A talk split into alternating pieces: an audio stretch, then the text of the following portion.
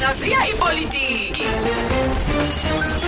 Hlaziya ipolitiki. Sekhona ke la uNhlanhla umfoka Mtaka umfoka nomajalimani sikhuluma naye ngalezi ikhathi. Sikubikelele esikwamukele khosini FM ngoni sawona.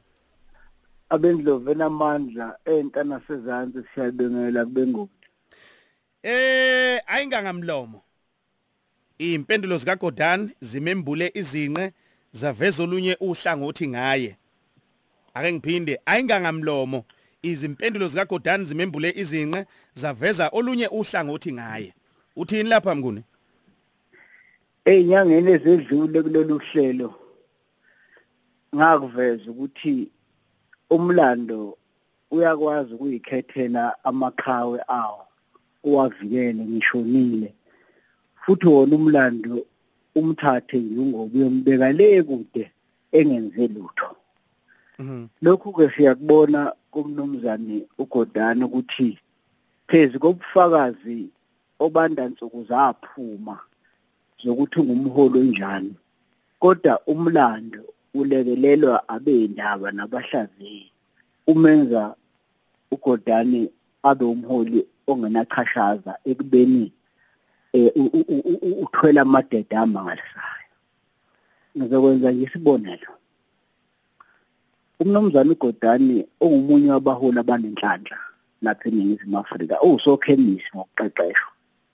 Kazi lutho ngeyimali kodwa ukwazile ukuthi angene esikhundleni sokuthi aphathe imali zalelizwe ayitshena abantu abawufundele umsebenzi ngoba ngisho ngabe umzonda kanjani lo mnumzane ufanzoyela uneziqu zezomnotho ayithola phesheya sifundiswa kodwa kwasuka usokhemisi asisho ukuthi mubi umsebenzi osokhemisi kodwa yithina abantu baseningizimu afrika esike sithi uhulumeni akasilekelele ngokuthi aqashe abantu abanamava nabawufundele umsebenzi. Nangokufanele eseqashwa.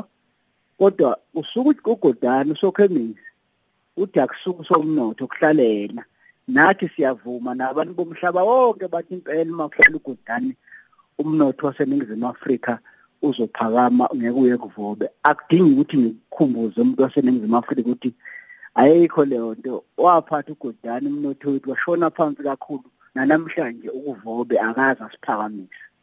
Mm. nangu esekwa Eskom. Watshena thina libalele wathi hawu njengoba sekubuye yena nje ngeke uphinde sizwe indaba eh, yokucima kwagesi eh baphezulu kwayo. Uzoqasha ngisho abantu abazolungisa lokhu kukhuluma akudingi ukukhumbuza ukuthi ugesi namhlanje siyaphefumula ngenxa basazi noma eh, kulozibandlela si uyo- uyophela yini ngoba inkingi isenkulu kunakuqala. Hayi ke ugilima lapha kukhomishana eh kaMthiyane. Mm. ubuzwe nje imibuzo emithathu ummeli wasemajajini mpofu. Angiqale ngisho umpofu ngenzeka ukuthi akuyena um- u- u- u- ummeli eh o- o- onamava nokwazi ukubuza into ezwakalayo kodwa kulokhu umbuzo nje imibuzo emithathu engicabanga ukuthi nembula izinyo ngokuqala umbuze into yena Godani athi ayiphike kokuqala eParliament waphinde waveza isithombe yena Godani sokuthi abantu abahlangene nalabantu ekuthiwa ngabakwaGupta basuke beyizigebengu kwasho yena. Yena naba njengaye baqinisa ukuthi umnumzane unene owayekhuluma iphutha edakahlaze ngananga nabo wayesebuye khumbula eh unene bamphoqa ukuthi aka- akasule ngoba wenze isono sokuhlangana nabakwaGupta noGoldani wabuzwa eParliament la bethi usuke wahlangana nabakwaGupta wathi cha theni kuzondo. The cha wayesekhohliwe wakhunjuzwa omunye asebenza naye ukuthi wakwahlangana. Usungakhohlwa eh, ukuthi uhlangane nabantu ababiza ngamaqola abanye kade bajezisa ukuthi bahlangana namaqola uthe kuzondo wakhuluma manga. Mm. okwesibili kodani ubuziwe ukuthi wena uthe encwadini yakhe efungele umnumzane umuyane uhambe wayokubopha ngoba eyingxenye yabakwaGupta befuna uphume esikhundleni. Ubuziwe futhi ngummeli wasemajajini wathini ugodani wenza iphutha eh uya- uyaguqula lokukhuluma amanga lawo ngesizulu esiqondile lapho ke enze khona eh, into ethusa abaningi ngisho abamkhonzile.